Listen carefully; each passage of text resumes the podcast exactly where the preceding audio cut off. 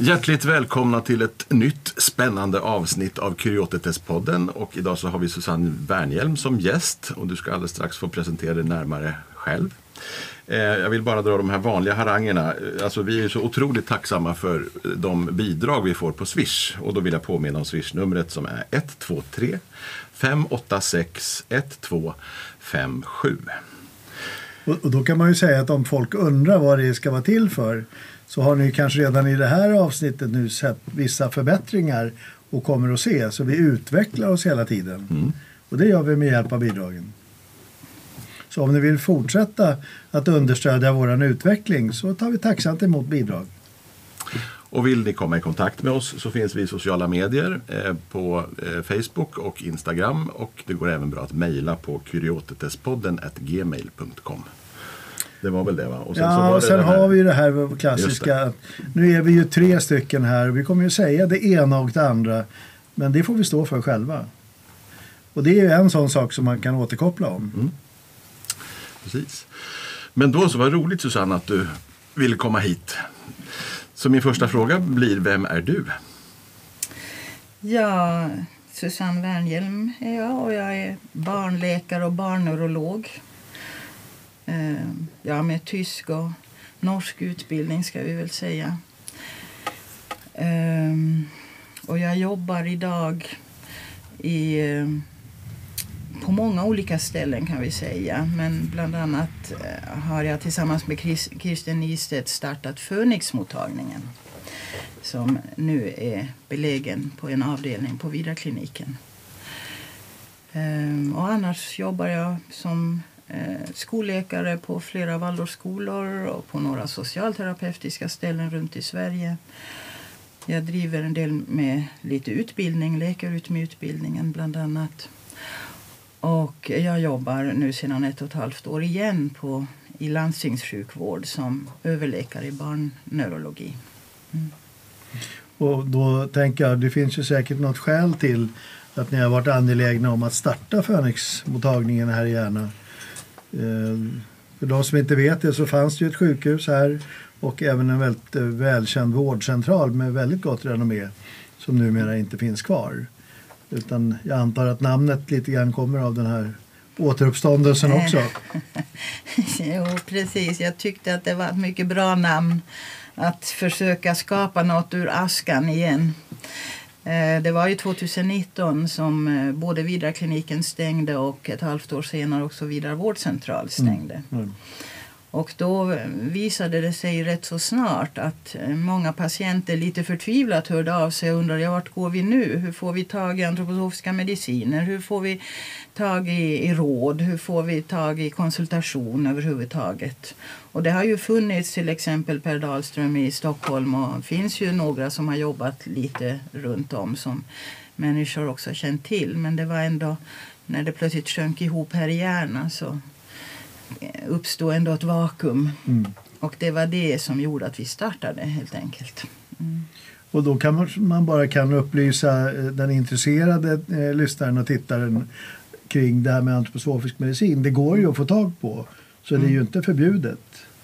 Nej, precis. Alltså det är kanske viktigt att veta att som läkare, om patienten vill ha det så kan jag ordinera det faktiskt. Mm. Och patienten har full rätt att använda det själv eftersom det ju inte är narkotikaklassat mm. eller så. Och det innebär att åker man till Tyskland till exempel och köper upp en årsförbrukning så kan man utan problem ta det över tullen, alltså över gränsen hem igen.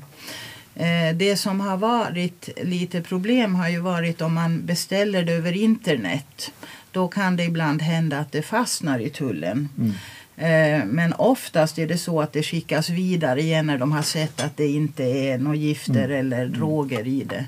Men ibland kan det skickas tillbaks också under en EU-regel som säger att um, man inte får sälja till ett EU-land som inte har försäljningstillstånd. För det är försäljningstillståndet vi inte har i Sverige. Mm. Mm. Och på Fönixmottagningen, vad kan man få hjälp med? Ja, på Fönixmottagningen är vi till att börja med eh, tre läkare just nu. Två eh, allmänläkare och jag som är barnläkare. Och eh, förutom oss så hade anslutit sig en hel rad med olika terapeuter. Så att vi har ska vi säga, alla de klassiska antroposofiska terapierna vilket innebär till exempel rörelseterapi, läkeurytmi, eh, målterapi och alltså den lite speciella formen av antroposofisk målterapi och konstterapi generellt. Men också en nyare terapi som heter metallfärgljusterapi till exempel. Och så har vi naturligtvis kunnig sjuksköterska som gör yttre behandlingar av olika slag. Insmörjningar, bad, fotbad. Eh, en, enrisrökta filtar också mm. bland annat.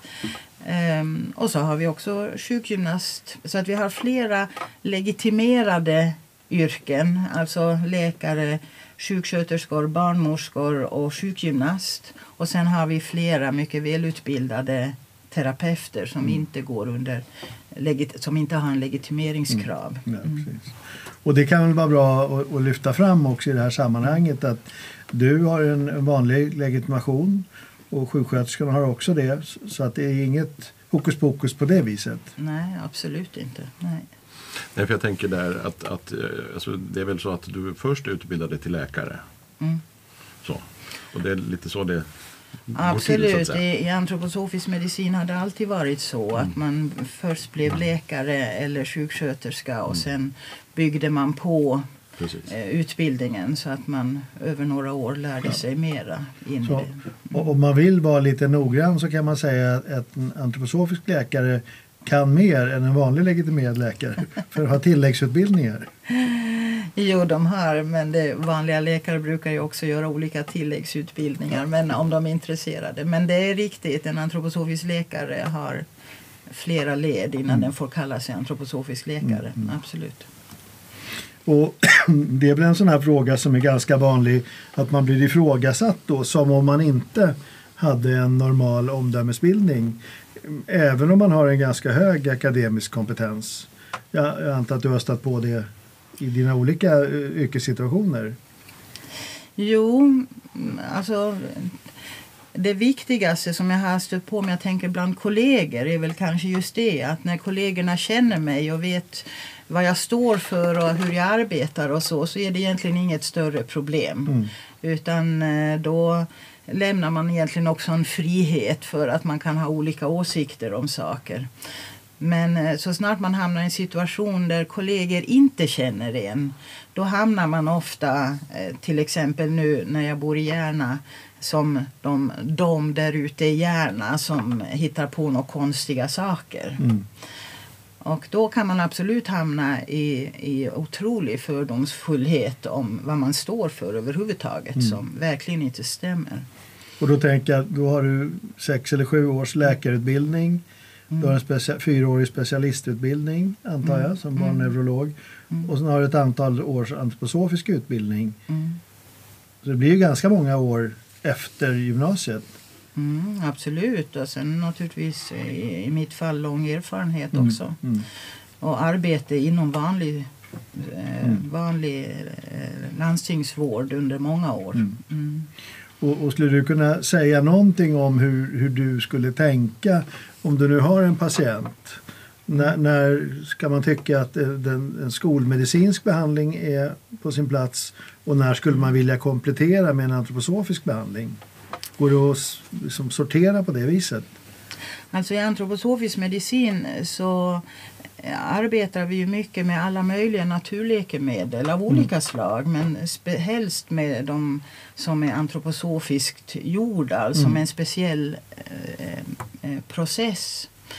Um, och man kan säga så, det finns väldigt mycket man kan göra med de medicinerna. Och som princip är det alltid så att jag välj, om jag märker att en patient skulle få några biverkningar, vilket man kan få av vissa antroposofiska mediciner också, absolut, eh, så är det inte frågan om att fortsätta behandla med den medicinen för att då ligger jag fel på något sätt.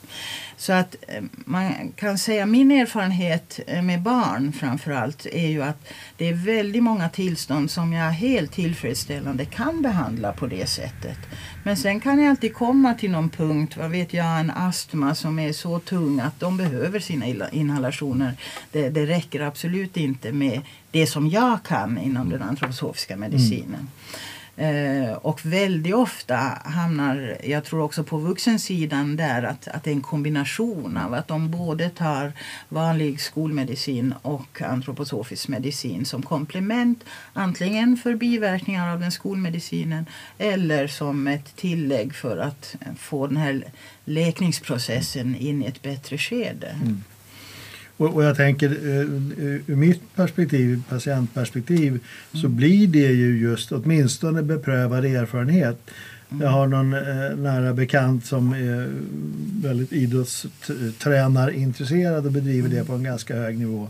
Men honom har jag lyckats få till mina två eh, standardmedel, nämligen Baptisia om man får infludo och Arnica om man har något annat fel.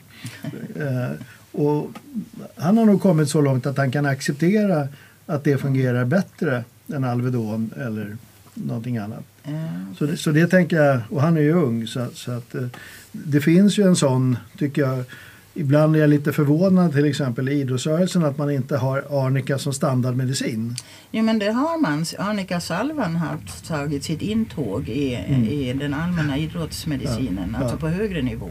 Ja, du säger det? Jo, ja. jo, det har jag förstått. Det var, tyvärr vet jag inte vem det var men det var någon som berättade för några år sedan för mm. mig att det är en vanlig behandling att använda arnika när man får svullnader och annat. För att det går verkligen bra mycket fortare ja. när man bara kyler ja, ner det. Så att, eh, och det är ju gammal kunskap egentligen. Det är ju inte någon ny kunskap. Nej, nej. Eh, så att, ehm, och det är väl det som är alltid när vi pratar om vetenskap och beprövad erfarenhet eller hur det är verkligen frågan. Ja, vad, vad ska vi, vilka saker ska vi få lov att kalla det så att mm. säga? För att när vi talar om alla de här naturläkemedlen så är det väldigt få av dem som är nya medicinal plantor. Det finns också mm. nyupptäckta medicinalplantor men det allra mesta är ju något som har använts traditionellt lång, lång mm. tid mm. tillbaka, alltså tusentals år egentligen. Mm. Mm. Så att vi vet ju jättemycket om det och beprövat är det verkligen, annars skulle det inte ha stått sig tusentals mm. år.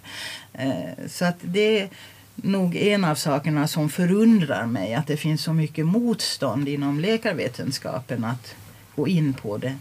Samtidigt så sker ju idag eh, en del forskning sån här på olika medicinalplantor för att man gärna vill få ut ett eller annat ämne som man kan göra en medicin av. Så att man har ju märkt att den rent kemiska eh, medicinen har sina gränser. Mm. För det är en sån här sak som jag brukar störa mig på privat. Eh, jag kan formulera det på det här viset att beprövad erfarenhet så behöver man ju då definiera vems erfarenhet. Mm. Enligt min erfarenhet så fungerar antroposofisk medicin väldigt bra. Mm. Enligt ganska många års erfarenhet. Men det accepterar man inte som erfarenhet. Mm. Utan det är någon annans erfarenhet som ska räknas. Och det kan jag tycka är lite orättvist eller mm. odemokratiskt. ja. Ja, sen tänker jag just på det här med, med alltså vetenskapligheten. Alltså man kan ju få intrycket av att att det kanske bara de senaste hundra åren som vi har varit vetenskapliga. Då, det låter det ju som idag. så att säga. Alltså, mm. Alltså det som är äldre. Det men jag, jag tror att alltså, Carl von Linné borde vara ganska upprörd om man inte kallade honom för vetenskapsman. Antar jag. Nej precis. Jag har de sista åren intresserat mig för Linné och mm. åkt lite runt på hans. Och det är ju totalt imponerande hur han på 1700-talet var världskändis. Mm faktiskt. Mm. Fastän han själv inte hade så mycket pengar att resa. Mm. Så, och gick ju igenom noggrant alla medicinalväxter. Sa till apoteken att det där är ingen vits att ha med för att det verkar inte så bra. Men det här och det här och det här det ska ni ha med och så och så ska det doseras och för de och de åkommorna ska det ges. Så egentligen så har vi ju den vetenskapliga forskningen finns ju där. Dessutom i vårt århundrade så har man ju intresserat sig för att kemiskt titta på de här plantorna. Så det vet man också jättemycket om egentligen. Mm. Så att för mig är det jättesvårt att förstå varför eh, universiteten och, eh, och i läkarvetenskapen och så som den lärs ut, att man bara ta, har tagit bort Mm. den biten. I andra länder är det ju inte så. I Tyskland lärde jag en del om plantor i min utbildning i Tyskland och i Schweiz är den själv. Det gör man till och med botanik i början av, av utbildningen. Det har de inte tagit bort. Och det är intressant att det finns många länder i, i EU som där det är helt självklart att läkarna också använder vanlig växtbaserad medicin. Så att det är lite speciellt i Norden. Jag tänker då, i några samtal eh, så har det ju kommit upp den här frågan att det, det verkar som att det här intresset för eh, homeopatisk medicin, eh, alternativ medicin överhuvudtaget inklusive antroposofisk medicin väcker ett större intresse nerifrån, alltså bland patienter, vårdpersonal, sjuksköterskor men minst bland läkare. Tycker du att det stämmer? Jo, jag tror att så som läkarutbildningen är gjord idag så kommer sedan flera generationer redan läkare ut som inte har någon aning om det området. Mm. Och därför så ska vi säga strängt vetenskapligt håller de sig till det de har lärt sig. Och där är det klart att, att de sakerna som kemiskt, hur det är bevisat på olika saker och när, så länge man lär sig det så kan det ju se väldigt tydligt och svartvitt ut. Det är först när man kommer i praktiken och ska använda det på patienter man kanske märker att en eller annan riktlinje och för den patienten funkade det inte. Mm. Och då kommer ju först tankarna egentligen igång. Och det kan man kanske se, se som en slags brist i läkarutbildningen idag. Att de diskussionerna inte redan finns på utbildningsnivå. Mm. Och jag har märkt att läkarutbildningen har börjat bli mer och mer intresserade sedan flera år tillbaka. Att det måste bli mer praktik i yrket. Mm. Så att det har, det har vänt delvis.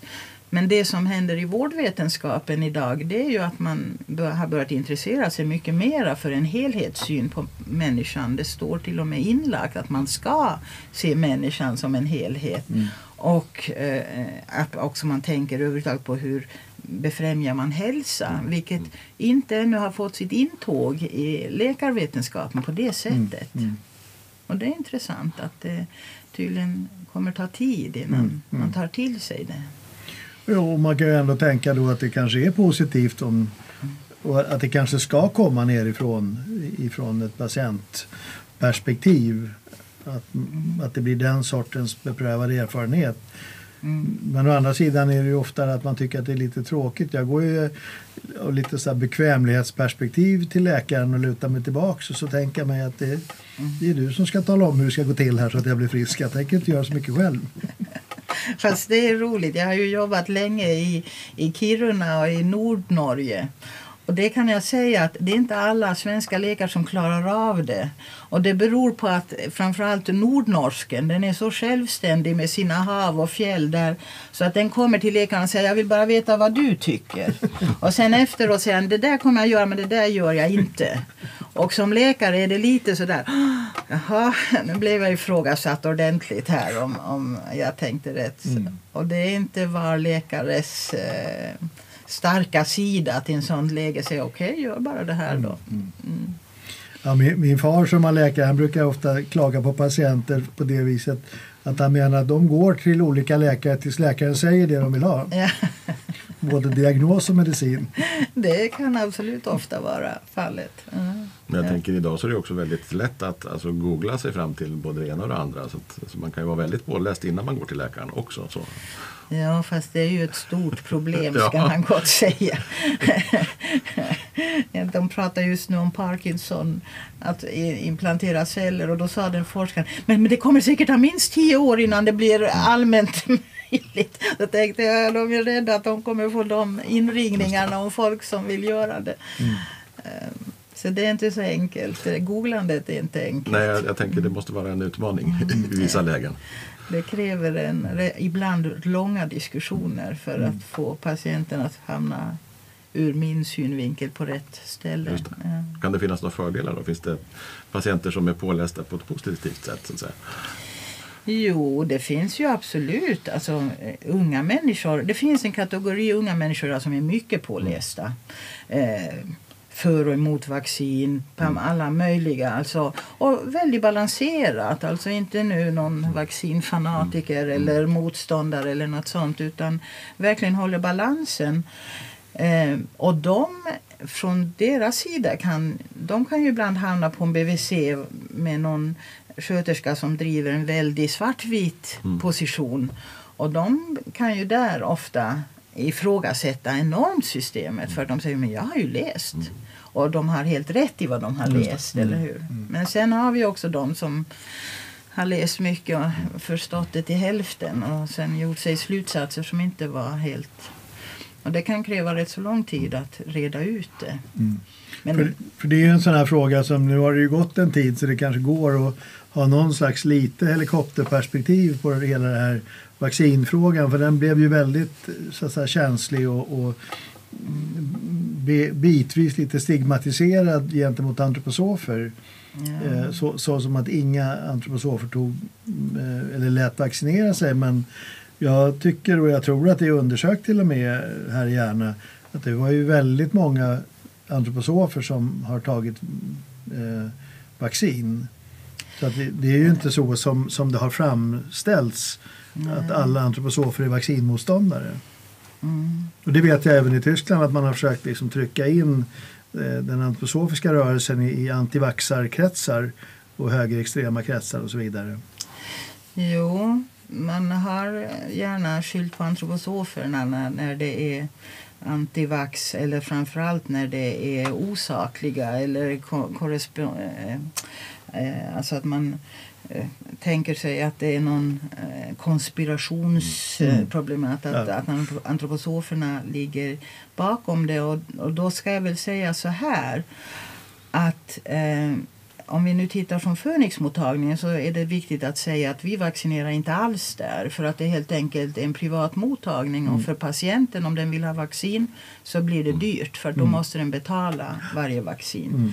Och då ska man hellre välja sig till vårdcentralen om man vill göra det. Annars så, så kan jag väl säga att eh, som barnläkare så står jag mest för friheten att kunna välja. Mm. För att det finns plus och minus på båda sidor. Och man måste kunna välja i vården med en viss frihet vad jag vill utsätta mig och mina barn för. Om jag vill det eller inte vill det. Eh, och det, jag kan inte säga, jag tar inte någon ställning för någon patient utan det är patienten som måste bilda sig den uppfattningen om vad den vill. Mm. Och om man pratar om Rudolf Steiner så kan man säga på hans tid fanns det ju ännu inte så mycket vacciner. Och vad han framförallt har pratat om är ju egentligen inte om icke-vaccinera utan han har egentligen mest pratat om att hur viktigt det är för en människas utveckling att gå igenom en sjukdom på riktigt med feber och allting för att det har med hela människans utveckling både kroppsligt, själsligt och andligt att göra. Ehm, Det har varit en viktig del från Steiners sida. Mm. Men egentligen inte för eller mot vaccin på det sättet. Där skulle jag vilja haka i alltså, kring det här med, med feber. För att, alltså, det har jag uppfattat att det är lite grann mer accepterat idag. Alltså, att, att feber i sig har en funktion. Alltså, att, att man inte säger liksom, att jo, men du måste ta febernedsättande och så vidare. För personligen så, så, så försöker jag ha så mycket feber som jag tål. Och sen när jag inte orkar mer, då tar jag en Alvedon till exempel. Är det någonting Jo, det där är faktiskt ett jätteintressant tema. Och det är, det är ju en eh, professor Da- David Martin från Herdecke Wittenner i Tyskland som också är antroposof och barnläkare som har drivit en fråga nu sedan några år och gjort en feberapp eh, där föräldrarna kan gå in och, och liksom lära sig mer om feber och så. Och grunden att han började med det var bara att han satt för några år sedan sa att all forskning säger att vi inte ska sänka feber. All, alltså den sista tio årens forskning går alla ut på det. Eh, Och eh, liksom frågan, när är det frågan om att sänka feber? När kroppen inte orkar med den mer av hjärtat eller något sånt. Eh, Men att generellt bör man inte sänka feber. Och det är ju intressant i Sverige till exempel att ringer man 1177 och frågar om förkylningssymptom Mm. så får man svaret ta en Alvedon och lägg dig i sängen ungefär. Eventuellt lite nässpray om du har ont i öronen. Det är ungefär det man får. Och egentligen är det ovetenskapligt. Och det är ju intressant att det går igenom på 1177. Att man får ge råd som egentligen verkligen varken är beprövad eller eh, vetenskap. Det är en intressant synvinkel faktiskt. Sen är det ju så att, att eh, eh, för Steiners idéer runt eh, människans sjukdomar och så, så var alltid värmen en jätteviktig process överhuvudtaget. Höjd värme, lägre värme, hur den gick upp och ner och så vidare. Och så vidare. Och det intresserade på hans tid också läkare mycket mera. Man hade vid varje säng eller en sån feberkurva som har nu den där. Och man visste jättemycket om olika febrar. Och det måste jag nog säga utifrån min erfarenhet att jo, jag lärde mig nog lite om det men det var inte mycket. Och jag har aldrig hanterat det så mycket som läkare att jag kan säga att jag verkligen kan alla finesserna med det, en sån sjukdom och titta vad febern gör. Men det har börjat komma tillbaka, att man tyckte att det var mer intressant igen. Och ända upp på WHO-nivå har de intresserat sig för den här feberappen och det är ju faktiskt intressant. Ja, för det, det forskas Mm. väl en del just kring feber. Alltså också eh, svensk forskning att, att, att det är inte så att, man liksom, att det är 37 grader som är utan feber är individuellt. individuellt Ja. dessutom. Så att, Absolut. alltså en, en person kan ha feber vid si och så många grader och den andra Mm. Absolut. Och att det också är väldigt stor frågan när är det farligt, är det inte farligt? Och egentligen komma fram till att det är i stort sett inte farligt om det inte blir, alltså slår ut patienten helt och hjärtat inte orkar eller så. Eh, Så att, eh, utan tvärtom är det så att vi behöver den. Annars, och att man till och med gör ju studier där man ser att man blir eh, upp till flera dagar fortare frisk om man tillåter febern än om man sänker den. Och det, det är ju väldigt viktigt. Eh, verkligen viktigt. Och framförallt med barn är det en viktig synpunkt.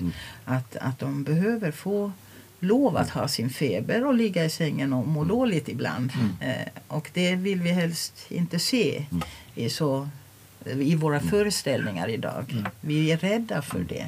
För så tänker jag som erfarenhet som förälder så har jag nog egentligen också mest praktiskt upplevt fördelen med feber. För barn har ju sällan feber mer än ett par dagar. Mm. Om det inte är liksom riktiga extrema sjukdomsfall. Och att det egentligen har haft en ganska positiv effekt som, som du beskriver. Sen är det, har det ju blivit idag eh, med, med dubbelarbete och så vidare så är det ju mer lite opraktiskt Mm. att, att någon måste vara hemma. Och det gör väl att man rätt halkar dit på Alvedon och, och så vidare för Mm. att det går till synes fortare. Mm. Men då är det ju väldigt intressant om man kan bevisa att det är fel. Mm. Egentligen- Nej, man, man ser ju både att, att eh, barnen blir lättare sjuka igen och att de ofta blir mer utdraget sjuka. Mm. Men det är klart, är de feberfria och bara har lite hosta kvar så är det ju många som får dem i barn, Mm. eh, ändå till exempel. Mm. Men nej, det, det, men det är någonting som rör sig där. Som, som hela, eller hur, då kommer man plötsligt in på vårdaspekten igen. Vad är det att vara sjuk och hur sjuk får man vara och det är okej, eller hur? Alla de här bitarna som egentligen har varit en rätt så medveten sak i hela eh, den antroposofiska medicinen under alla hundra år. Mm. Så, så, det, men det kommer nu faktiskt mer och mer från alla håll. Mm. Men, men kan man säga att det är en antroposofisk, eh, ett antroposofiskt bidrag till synen på sjukdom? Att, att den kan ha en funktion, alltså att, att, Mm. att man inte bara betraktar sjukdom som något dåligt? Alltså ännu är vi inte där att de kommer och frågar oss hur har ni gjort i hundra år. där är vi nog inte ännu. Och, och det sitter nog långt inne hos rätt så många professorer att säga att det finns något ursprung från antroposofisk synvinklar. Men jag kommer ju ihåg på 80-90-talet eh, när jag var tonåring och sen gick in i min utbildning att då var det ju en jättestor diskussion till exempel om öroninflammationer och antibiotikabehandling. Och då var det en del antroposofiska läkare som råkade ut för att de hade kört lökomslag och så vidare och så vidare. Och det intressanta var att sen på 90-talet i Sverige där vi är så bra på att göra våra eh, rutiner och konsensus av olika slag att där eh, gjorde man redan på slutet av 1900-talet en rutin där man sa att, att öroninflammation ska inte behandlas med antibiotika om det inte går hål på örat och det blir riktigt varigt och, mm. och liksom en sån situation. Utan att man, man absolut ska avvakta. Man kanske gör lite näsdroppar för att öppna upp lite eller någonting sånt. Och Alvedon om det gör ont, punkt. Det, det är liksom den skolmedicinska behandlingen. Mm. Och det var en period där när jag pratade med de äldre allmänläkarna där det var liksom helt klart att så behandlar man öron.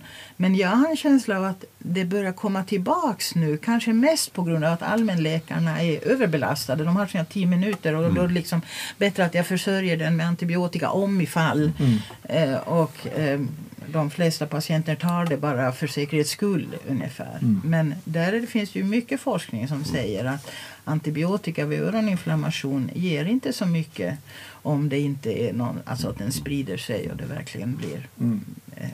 en svår öroninflammation. Har du några tankar kring eh, antroposofisk medicin i Sverige jämfört med andra länder? För den är ju mycket mindre här i Sverige än i många andra länder. Vad det beror på? Ja, mycket mindre. Vi är ju inte så många människor heller. Så att vi kan inte jämföra oss med Tyskland med alla sina miljoner. Och det är väl rätt så klart att Tyskland har väldigt mycket fler, eh, rätt och slätt mm. procentuellt också. Men sen så tror jag också att eh, Alltså just som läkare att hålla på med det. Det finns ju rätt så mycket alternativterapeuter mm. i Sverige som sysslar med växtmedicin mm. och allt sånt som liksom hamnar utanför legitimationen och hela Socialstyrelsen och, och läkarvetenskapen. Mm. Um, och eh, så där, jag tror att om vi tänker på gamla huskurer mm. och så, så hade det levt rätt så mycket förr i tiden. För att alltså, åtminstone för 50 år sedan, 100 mm. år sedan i alla fall, så gick ju folk själv ut och samlade sina och klarade sig rätt så långt på mm. egen hand innan de behövde gå till någon doktor. Mm. Plus att doktorn i början av 1900-talet också använde mm. äh, växtmediciner. Mm. Men, men äh, jag tror att vi i Sverige vi har varit rätt så stolta över att vara rätt så duktiga på att driva vetenskap. Och att där har vi nog kommit in i en skena där vi är eh, liksom eh, vi står för att det ska vara väldigt vetenskapligt och statistiskt belagt och så vidare. Och så glömmer vi lite bort att, att de här gamla medicinerna ju faktiskt också, det var inte så att de här kemiska medicinerna som kom ifrån oljeindustrin egentligen, att de plötsligt slog ut alla naturläkemedel. De ville göra det för de ville ju gärna mm. sälja dem. men, men man kan ju säga rätt så fort märkte man ju att det fanns en del biverkningar och så som man kanske kunde gå runt på ett annat sätt. Så att jag tror att Sverige och kanske Norden, jag tänker på Finland också. Norge är lite mer tolerant nog, men också där har det ju varit så att man har sina gränser. För mm. Danmark är så nära Tyskland så att de har lite lättare på andra sätt mm. och är kanske också lite mer pragmatiska än vi är. Men jag tror nog att vi i Sverige är speciellt är rätt så bra på att fastna i olika föreställningar att så är det och sen kör vi på den. Mm. Eh, och det tar lite tid innan någon kommer från sidan och säger oh, men nu kör vi lite så här istället. Mm. Men sen om det väl kommer igenom så kan Sverige vara rätt så duktig på att liksom mm. föra. Att, att föra ut det så att säga, jo, som precis. En sån sak till exempel nu när vi talar om Tyskland och att där används ändå väl rätt så mycket naturläkemedel så märker man plötsligt att jag kommer ihåg att när jag hade gjort min utbildning i Tyskland och vi hade till exempel sår då var det alltid så. Då skulle det fullt med jodsalva på när man hade tvättat och sterilt skulle det tvättas. Och så, så kom jag till Sverige och det fanns ingen jodsalva. Eller hur, en antibiotisk salva. Och jag sa, men ska det ska jodsalva på här? Nej, det har vi slutat med för länge sedan. Och så säger jag, men vad han nu? Ja, och då berättade en doktor, ja men vet du det var redan tio år sedan eller något sånt och då började jag väl på, det var eh, 90, början av 90 jag började med eh, det här i Sverige. Då eh, så, så berättade ja men det gjorde vi en studie på att vanligt vattenledningsvatten då använder man mera vatten. Då blir såret renare för att man duttar inte på med sina sterila dyra droppar. Och eh, med jod, det är ingen fördel om inte eh, såret redan är mycket infekterat. Mm. Då kan det kanske ha någon plats någonstans. Och det tycker jag var jätteintressant. Aha, och då kör hela Sverige så. Mm. Då är det vattenledningsvatten som gäller. Det är en positiv sida av svensk vetenskap. Jag har försökt att anamma det där med tvål och vatten. Mm. Att det är det bästa att desinficera mm. både själv och, och barn och andra barnbarn har, har sår. Mm. Alltså, tvättar man det ordentligt med tvål och vatten så är det väldigt bra. Precis, och luftar det ja. så att man har lite koll mm. på vad som händer. Mm. Men det, det, tar liksom lite emot att det inte ska vara sprit och kompresser. det är sant. Eh, fast i vanlig eh, skolmedicin idag så, så är det ju bara först när det blir infekterat som mm. man börjar med spriten och kompresserna, annars mm. inte egentligen. Mm. Så det är en positiv sida mm. av den här väldigt strikta, att nu drar vi mm. konsekvenserna av det vi har lärt. Mm. Jag tycker också en annan en sån där perspektivfråga är att jag upplever att svensk sjukvård är väldigt generell. Man är inte så förtjust i det här individuella perspektivet eller relationen. Att det har betydelse både vem läkaren är och vem patienten är. Att, att det ökar friskfaktorerna om man, om man går till en läkare som man har förtroende för eller som man upplever ser mig egentligen lite oavsett om man är diagnostiskt duktig. Mm. Jag vet inte vad, vad, du tänker kring det eller vad som är bevisat och inte bevisat. Man kan säga att i Sverige börjar den diskussionen komma mera. Det ser vi inte minst om, om vi ser hur universiteten har börjat skicka ut. Eh, egentligen har de lagt över det till allmänläkarna. Nu ska du utbilda den här studenten till att möta patienter och mm. se dem. Mm. Och där hade i och för sig kommit upp en fråga mera i att ja, vad är det för en patient jag har, hur förhåller jag mig till den och så. Så att den, den diskussionen har absolut kommit upp i mm. läkarvetenskapen de sista åtminstone fem tio åren. Så utvecklar man den biten mera. Men annars så tror jag att Sverige just med den här vetenskapliga biten, det har drivit så mycket under 1900-talet, alltså statistisk forskning. Och då, då har man liksom nöjt sig med att ja, men statistiskt är det bevisat att de flesta har nytta av det här. Punkt slut. Och då kör vi med mm. den här rekommendationen. Mm. Och sen har man inte helt brytt sig om vad är det med de där andra 30 procenten mm. som egentligen inte mår så bra av det här. Som borde göra det mm. på ett annat sätt. Och det, det har man i Sverige då liksom lagt sig på att, att kanske förenkla lite för de nya doktorerna. Att går du den här vägen så gör du i alla fall inte fel. Mm. Eller hur? Det, och, det, är bra för de flesta. Jo, precis. Mm. Och, och, det är naturligtvis när man är ny läkare så står man ju rätt så förvirrad där med all kunskap man har i huvudet. Så att då kan ju en riktlinje vara rätt så tacksam att kunna följa så vet mm. man att då gör man inte helt fel i mm. alla fall. Men det är klart, ju äldre man blir och ju mer erfarenhet man har så skaffar man ju erfarenhet i olika fält och med massa olika patienter där man plötsligt ser att den här borde jag inte alls göra enligt riktlinjer, jag borde göra något annat mm, här. Mm, mm. Eh, då, annars går jag riktlinjer så måste jag ändå göra något annat för att mm. det funkar inte. Och, och, så att konklusionen av det hela skulle vara att ju mer komplicerad sjukdom man har till ju äldre läkare ska man gå. Så har man enkla åkommor då kan man gå till unga. Både och. Jag ska nog säga, och det är något mycket positivt, att jag märker att i den yngre generationen nu mellan 20 och 30, där börjar det spira en, en eh, större önskemål om att kunna se saker på ett annat sätt. Mm. Och det tycker jag inte minst också inom, till exempel nu på Djupi här med, med en antroposofiska ungdomsinitiativen, att det kommer människor som tar tag i sakerna på ett helt annat sätt med en annan eh, kritik å ena sidan men också med en annat klartänkande, med en annan möjlighet att gripa mm. idén och också göra någonting med dem. Och det upplever jag är rätt så generellt. Det är inte bara inom, inom antroposofin mm. utan jag upplever också de här unga nya läkarna att, att de är nyfikna på och också kanske lär sig en del om att ja, här är det när jag lärde mig om skolmedicin då var det väldigt mycket, ja det här gör man vid det och det diagnosen men då finns de här biverkningarna och de kan komma. De måste vi bara räkna med. Det är bara så. Ska vi vara effektiva så finns det också biverkningar. Mm. Idag har diskussionen vridit sig lite. Att för att man märker att man har fler och fler patienter som inte vill ta det där för biverkningarnas skull. Och då blir det lite mera istället att man börjar säga okej, okay, ja de här biverkningarna finns. Vill du ta det? Vill du inte ta det? Eller hur? Och där hade det dykt upp någonting som är rätt så annorlunda mot när jag började för över 30 år sedan. Mm. Det, så att det rör sig på mm. och, och de unga börjar som alltid vilja tänka lite nytt och lite annorlunda. Mm.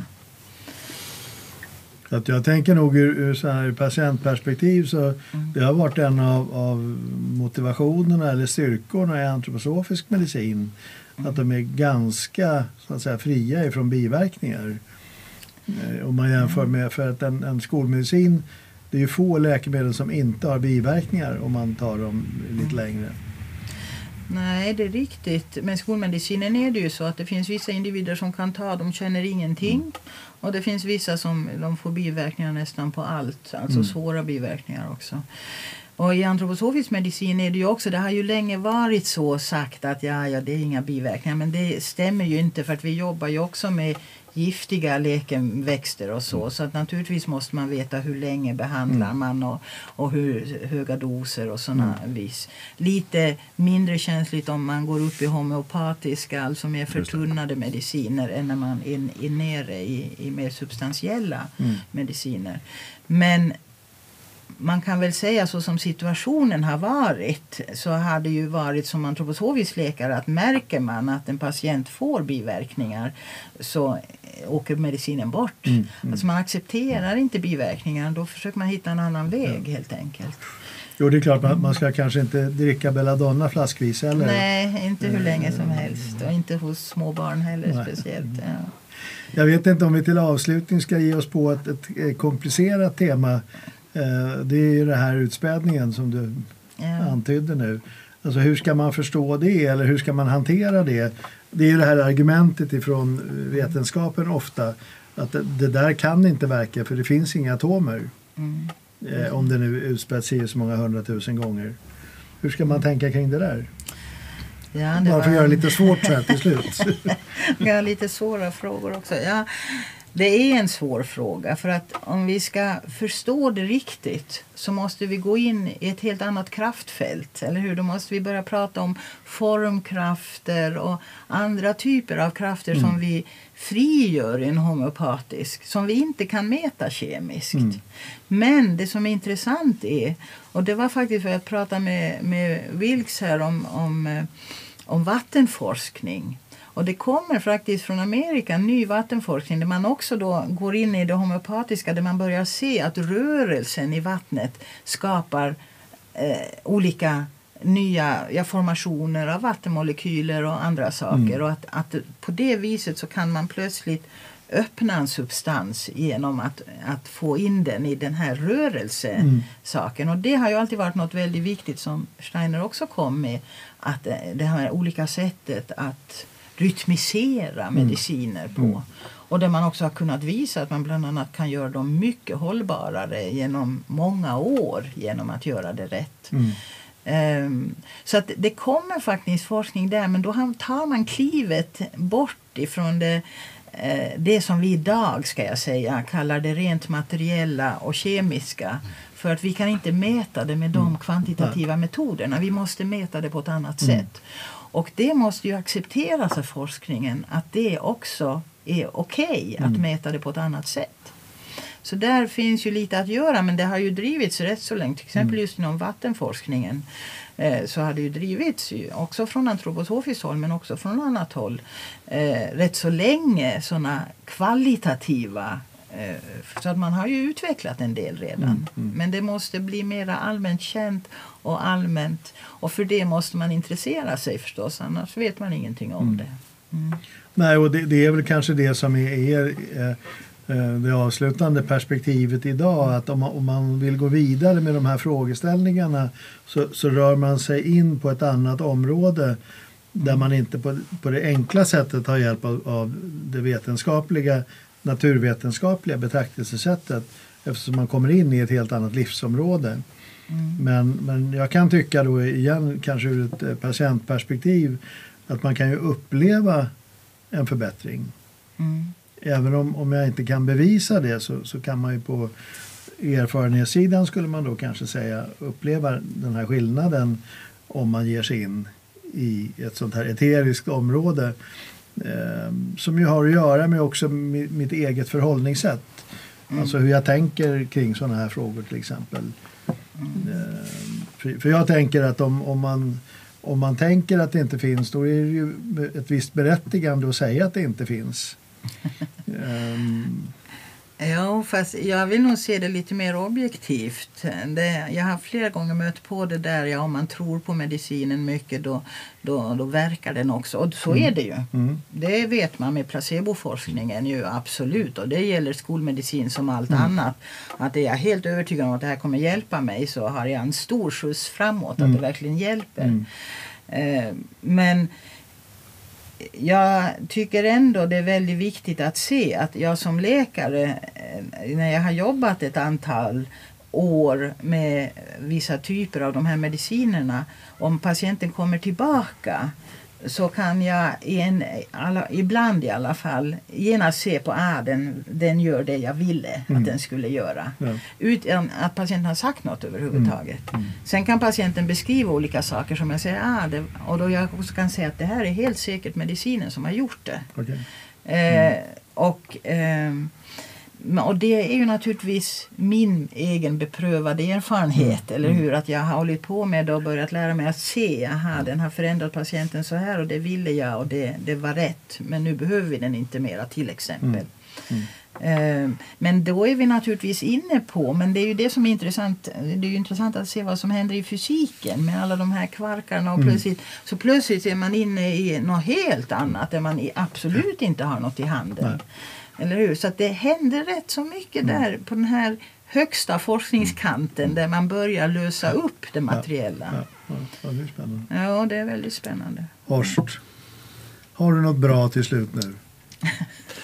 Alltså, så när du frågar på det där viset så har jag ju inte det förstås. Så Men det är en ledande fråga. Ja, det var en väldigt ledande fråga. Ehm,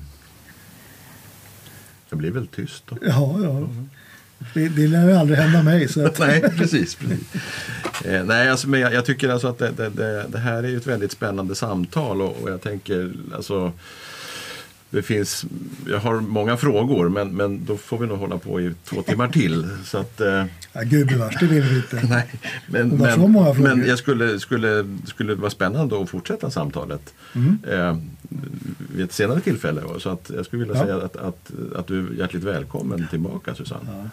Så, Och- så är jag uppfostrad. Man ska sluta när det är som roligast. Ja, Men, men, men vi ska inte heller avbryta utan alltså också så här, är det någonting som du tänker som vi har missat? Vi borde?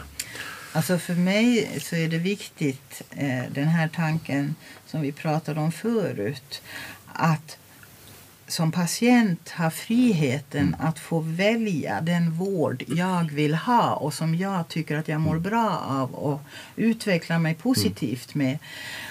Och också för läkaren att ha friheten att utifrån sin erfarenhet och sin kunskap, där trots allt 99,9 procent vill se sina patienter friska, få lov att följa en patient en väg som patienten vill och som jag ser bra. Utan att bli så inskränkt att jag statistiskt måste hålla mig till något som jag redan från början vet att ja, i just det här fallet kanske det inte var det rätta den friheten att få välja vård i Sverige och, och få välja mediciner, vad man vill använda i Sverige och så. Den skulle jag gärna slå ett slag för. att vi, Det är också Phoenixmottagningens ena syfte, att man ska kunna välja att gå till en kunnig terapeut och, och legitimerad eh, läkare och, och få råd som också är lite bredare. Alltså kanske lite av en uppmaning att tänka själv. Mm. Så. Tänka själv och vad, vad, vad tycker jag om? det gör mycket patienter. När patienter blir sjuka Mm. så gör de faktiskt det. För då kommer de till nej, cytostatika vill jag inte ha. Det jag mår så dåligt av det. Eller Mm. det är ju hela tiden en diskussion i vanlig sjukvård. Att hur får vi den patienten till att göra det ändå? Det är ju ofta så. Men eh, inte alltid. Det finns många som bara säger jag gör vad du säger. Och så. Så det är ju olika. Alla människor har olika positioner, olika möjligheter också att ta ställning. Ja, vi, vi avslutar väl med det att om man vill ha den här frihetliga sjukvården där man kan få påverka själv, då vet ni vart man ska gå. Till Fönixmottagningen i Järna. Precis. Jag tänker, fin, finns det Bland något, annat. kan man, om man vill ha information så kan man googla sig fram till sån kanske? Ja, vi har en hemsida. Ja. Eh, www.funixmottagningen.nu Mm. Så där kan man läsa allting. Hur man beställer tid och vilka som finns där och vad vi står för och så. Mm. Ja, tack så mycket Susanne att du ville Ja. komma hit. Ja, Tack ska det du ha. trevligt. Tack. Ja, och på återseende.